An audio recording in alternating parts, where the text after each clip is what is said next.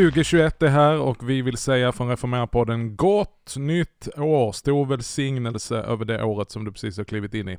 Och här sitter vi i budbärarens redaktion tillsammans med Johan Eriksson som vanligt. Hur är läget Johan? Det är bra, det, det är väldigt bra faktiskt. Och det är spännande med, med ett helt nytt år. Det är liksom så här, det är som en ny anteckningsbok som är helt blank, ingenting är skrivet än. Jag säger det, du har sån energi så jag liksom flyger baklänges här i stolen alltså.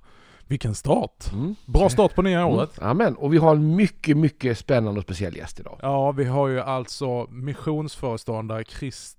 Krist... Vad är det, det nu här du, känns inte bra. Nej, det här var inte... nu, nu Magnus Vad är det nu hela. du heter? Nej, ja. Kerstin Oderhem naturligtvis. Ja. Välkommen till podden. Tack. Förlåt för min taffliga presentation. Ja, det är lugnt. Alltså, jag trodde du skulle säga Kristi brud. Jag blev helt iskall. ja, har jag inte berättat? Nej. Uff, nu blir jag svettig här, ja. det känns jobbigt. Ja, eller hur? Men en bra start ändå på det här programmet. Ja, men kanske inte på det nya året då. Nej, men du, eh, hur firar du nya år? Eh, det här året firar jag i, ja men i det väldigt lilla formatet. Men det som alltid är viktigt eh, för mig inför ett nytt år, det är faktiskt det som Johan var inne på, med vit bok, eller vad sa du, med en bok med vita blad? Ja, en anteckningsbok som är helt blank. Precis, och det är att jag skriver alltid dagbok. Jag summerar året som har gått. Mm. Uh, och jag uh, funderar och drömmer framåt och sen så formulerar jag mina drömmar och min längtan och så skriver jag ner det. Har, har ni några speciella andra ritualer som ni brukar göra så här inför tolvslaget eller sista dagen eller första dagen? Alltså, för mig är det hemskt. Jag är ju ingen kvällsmänniska, Nej. så jag brukar behöva ladda några veckor innan man bara försöker vara vaken över midnatt. Så när det närmar sig midnatt så är jag mer död än levande, så inga ritualer för min del. Du, en ärlig fråga till missionsföreståndaren här nu. Hur, hur många tolvslag har du varit med om egentligen? ja, alltså kanske fler sista åren för att jag... Det går åt rätt håll? Ja, det går åt rätt håll. Ja. Ja. Johan, ritualer? Ja, det har varierat genom, genom åren faktiskt. Jag, jag har provat det mesta. Allt från liksom eh, vilda fyrverkeriexperiment till, eh, till, eh, till bön och lovsång över tolvslaget, till champagne och ja, lite, alltså, det finns många, många traditioner man kan, jag har varit del av många och jag brukar säga att det jag tycker är starkast med tolvslaget är när man är många tillsammans. Det är mm. speciellt och, och, och, inte alltid möjligt men men jag, jag tänker på de här eh, man är ja, i Malmö ofta, där jag kommer ifrån, så, är det jättemycket folk ute på stan. Mm. Det är helt mm. tjockt på gatorna. Och folk är glada och man pratar med främlingar som vore ens bästa vänner helt plötsligt. Och det finns sen, någonting i sen luften. Sen kom corona. Ja, sen kom corona. Först, ja, alltså, lite vild fyrverkeribeskjutning har slått sönder det de sista åren också. Att det har inte varit kanske riktigt... Ja, jag, jag kör inga fyrverkerier. Däremot så, så samlades vi alltid samma gäng och utvecklade en viss tradition tills någon förstörde det. Det var nämligen så här att klockan 11 innan då, då skulle vi gå runt bordet och då skulle man tala om höjdpunkt året som hade gått och det som hade varit lite jobbigt. Och sen så skulle alla då liksom kasta någon form av vision eller målsättning, alltså titta framåt. Det var väldigt fina eh, eh samtal och sådana här kvällar tills någon förstörde det och skulle bräcka alla andra. Nämligen första talare ställer sig upp och säger att ja, och nu ska jag komma i form under det nya året och jag har bestämt mig för att springa maraton. Då händer det någon form av dominoeffekt runt det här bordet. Så att när jag går hem ifrån den middagen så säger min fru till mig, alltså är du medveten om att du har sagt ja till att du ska springa maraton? den traditionen den överlevde inte, men jag överlevde och vi sprang maraton. Detta var 2007. Efter det så, så har det inte fötts några nya ritualer. Men annars fint. Fint men, att men det du kom in på nu, det är som att du gav ett nyårslöfte där in public alltså? Ja, jag, det, jag var inte ensam. Det var ju min kära vän och kollega som började och som, som, ja, hade nog inte för avsikt att bräcka det. Men du vet, det kan ju bli lite så här jobbigt va. Så att när en efter en hade sagt så fy vad kul, det är ju ett konkret mål att komma i form. Jag hakar på. Och då hör det till saken, nu ska vi inte prata om det, men att vi siktade ju på Berlin Marathon som låg på hösten. Det var ju fullt sedan länge. Och sen så började vi diskutera Stockholm Marathon som låg i juni. Vi hamnade den 17 maj på Norges nationaldag, men på Köpenhamns maraton. Det betyder att vi hade fyra och en halv månad på oss att komma ifrån. Ja, vad hemskt. Ja. Men du, nog av det som ligger bakom. Alldeles strax ska vi titta framåt.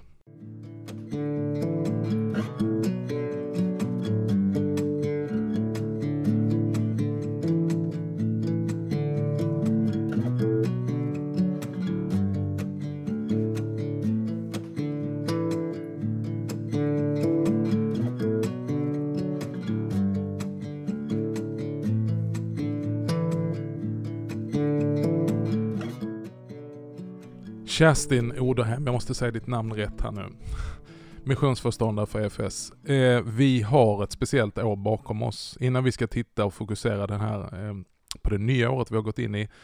Vad tar du med dig från 2020? Hur skulle du sammanfatta det och vad bär vi med oss? Kanske inte allt bara var elände utan det finns något gott att ha med sig.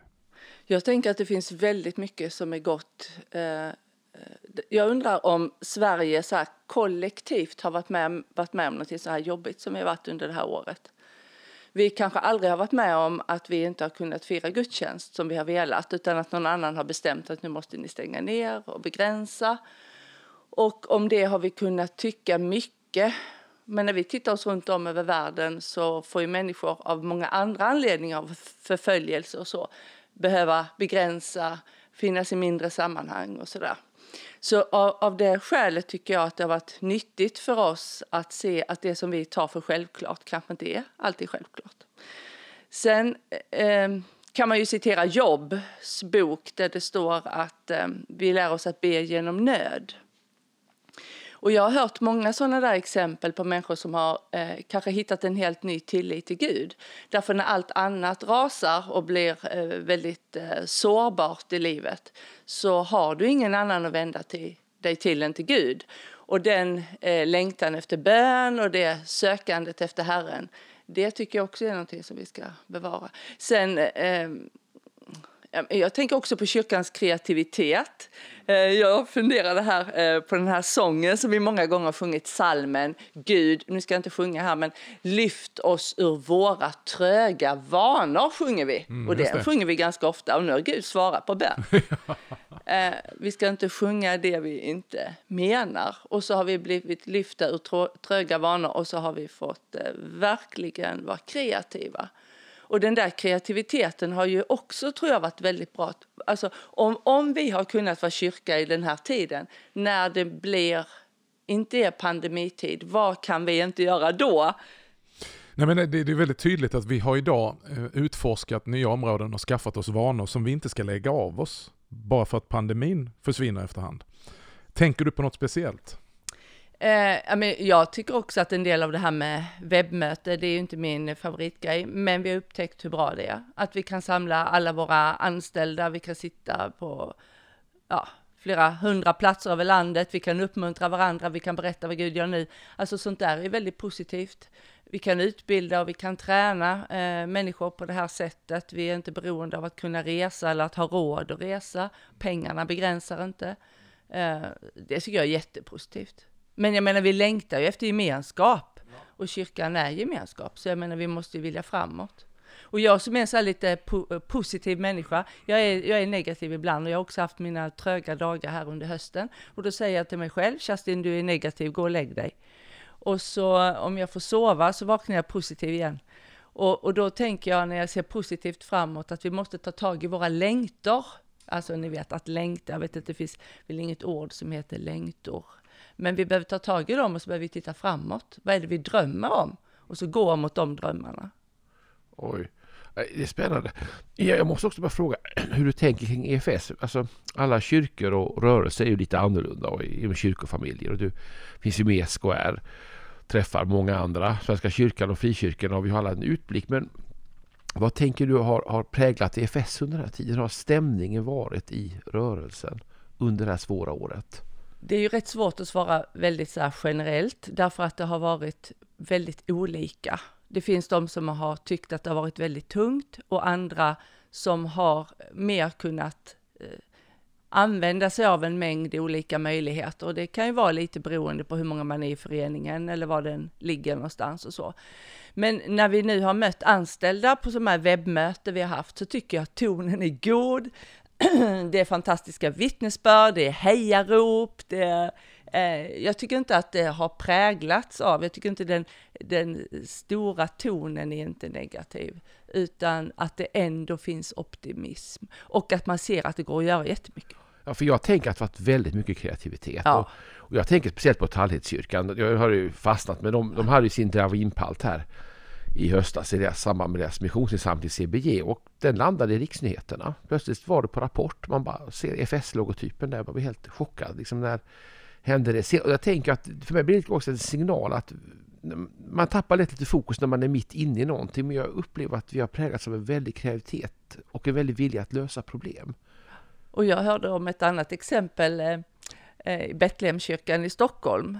Eh, som ju inte vad jag förstår brukar ha öppen kyrkport, eh, för det finns inga kontor som ligger i det våningsplanet där entrédörren är. Och då går prästen ner och sätter sig i foajén och flyttar liksom sin arbetsplats dit och så sätter man ut en trottoarpratare. Kyrkan är öppen. Här kan du gå in och tända ljus, här är tid för du kan ha ett samtal eller jag finns här om du vill något. Så jag tänker massa, massa kreativitet. Mm.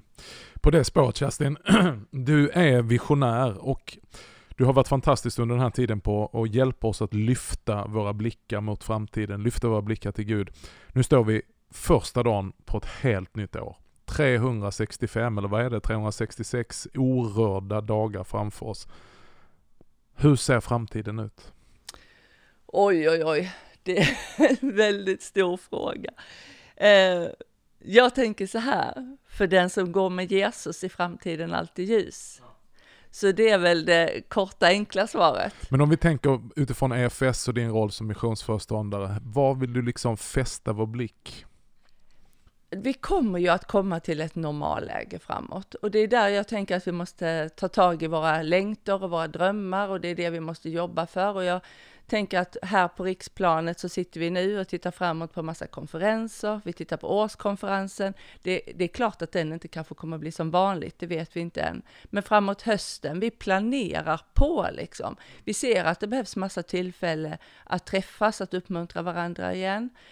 Um, och, och sen tänker jag allt det här rustandet som också har pågått under pandemin. Vi har människor som hör av sig som vill lära sig och träna tillsammans med andra, att dela evangeliet i vardagen. Hur kan jag berätta för någon om min tro? Och det har varit igång nu och där tror jag att vi kan se att vi ökar. Därför att de relationerna med dem vi har oss allra närmast, våra vänner och vår familj, eh, där kan vi fortfarande göra väldigt mycket och där, jag tycker att vi är inne i någon sorts flow där vi ser en väldig längtan i rörelsen efter att vara missionsrörelse, att nå nya människor med evangeliet. Och det behöver vi bara ta tag i vad Gud redan gör och så kanske introducera lite verktyg eller verktyg som vi redan har. Eh, rusta våra anställda till att eh, vara liksom nyckelpersoner i sammanhangen. Eh, så jag tycker att vi är inne liksom ändå i ett sorts positivt skeende av att vilja se människor och samhällen förvandlade av Jesus. Och jag tror inte det har stannat av med pandemin. Nej, verkligen. Nej men ehm, jag tycker också att det är så tydligt, den här längtan som du ser. Och när vi nu går in i det här året så förhoppningsvis går vi in i något läge som är lite post-corona. Vad är din spaning, den vanliga människan, vad finns det för några behov nu? Post-corona som vi som kyrka måste lära oss att ännu bättre möta. Jag tror att det finns väldigt mycket längtan efter att bli sedd. Eh, att få gemenskap, att få, alltså vi får ju meddelande hit till kansliet, eh, sånt här som att ja, men jag längtar efter att sjunga tillsammans med andra. Att få, jag menar lovsång kan ske på en mängd olika sätt och med många stilar, men vi längtar efter att få höja våra röster tillsammans jag tänker att vi är många som längtar efter att få ge varandra en kram. Sen vet jag att det är många som tycker att det är väldigt skönt att vi har sluppit den kulturen också. Och då får vi väl vara artiga och bara ta i hand liksom. Men det finns ju människor nu som saknar fysisk beröring också. Hur är kyrkan gemenskap? Intressant fråga. Låt oss komma tillbaka den. Hur gör vi?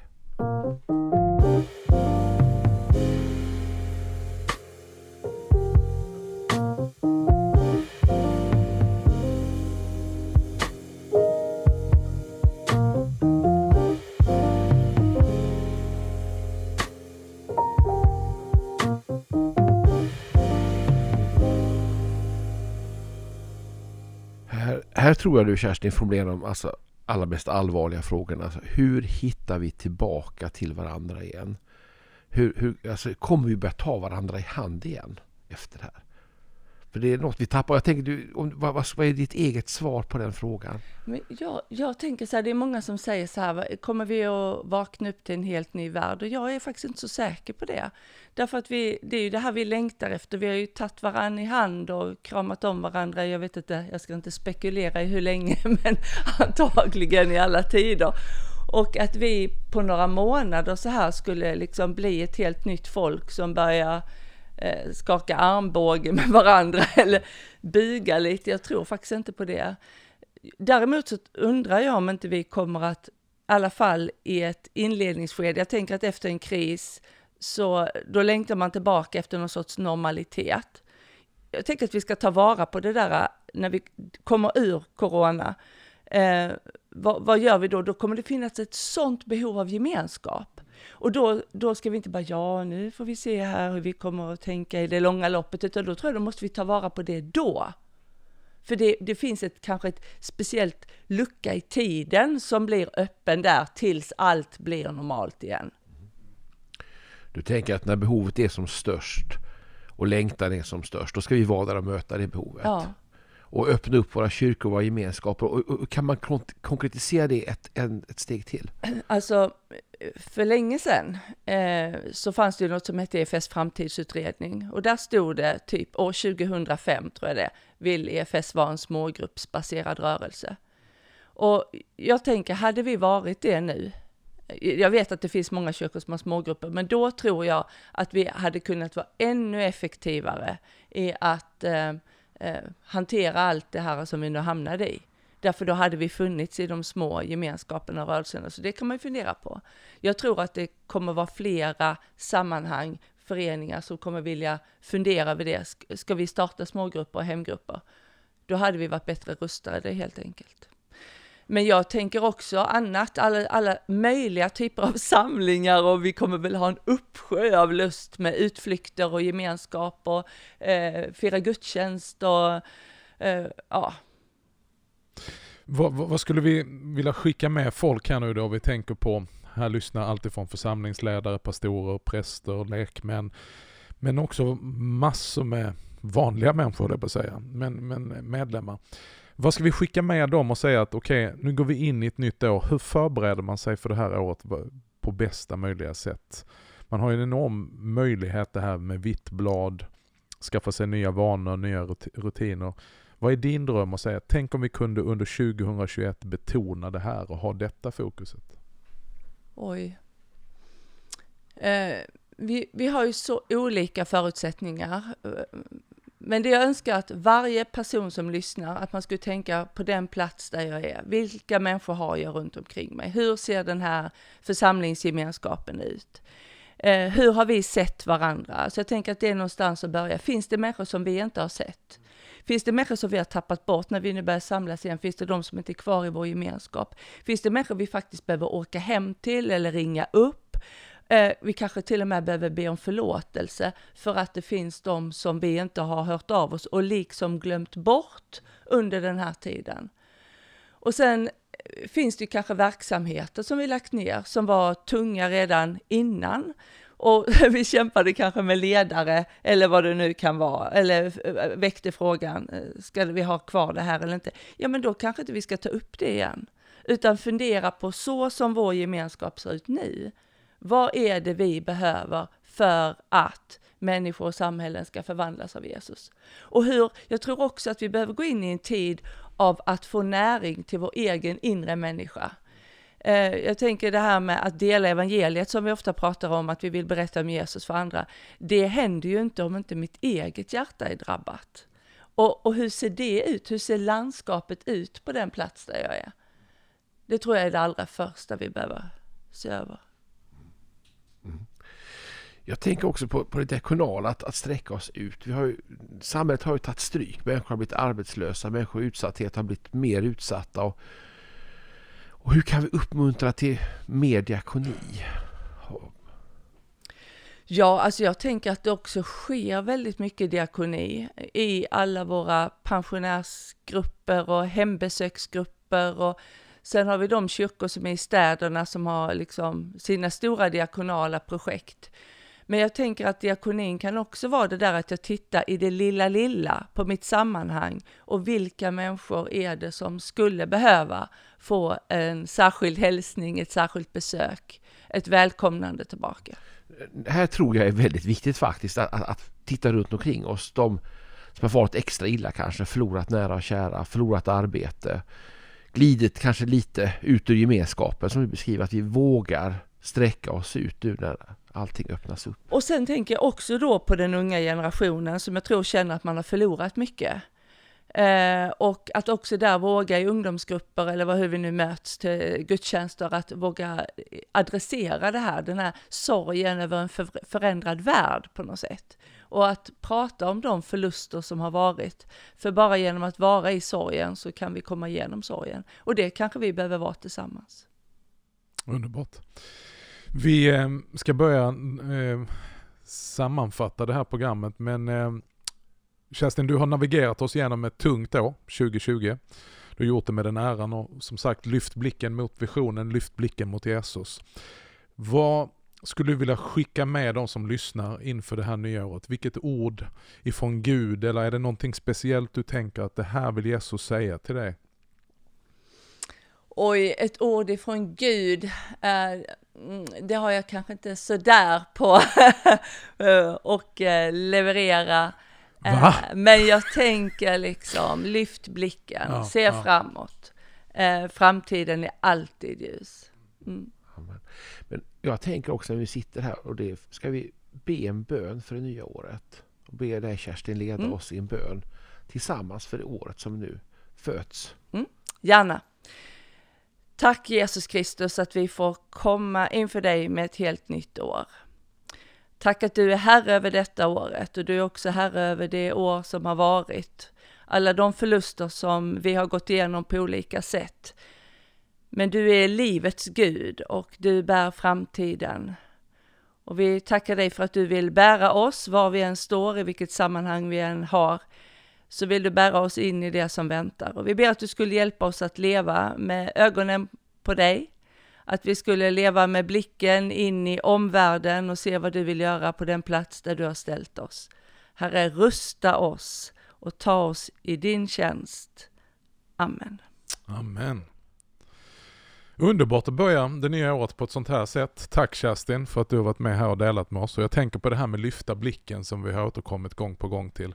Jesus säger till sina lärjungar, ni säger fyra månader till, sen är det dags att skörda. Men jag säger lyft blicken redan nu vitna fälten eller vittna fälten om att tiden är inne för skörd.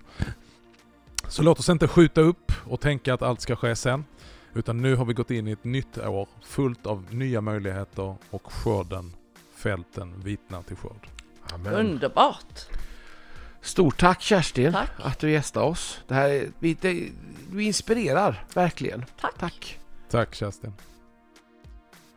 Ja, och vi finns som vanligt på sociala medier och allt Det Du, du är bäst på det Magnus, kan inte du ta avslutningen? Ja tack, det är min spjutspetskompetens. Jag kan en webbadress utan till och var vi finns på Facebook. Men du hittar oss, vid det här laget kan du säkert också det.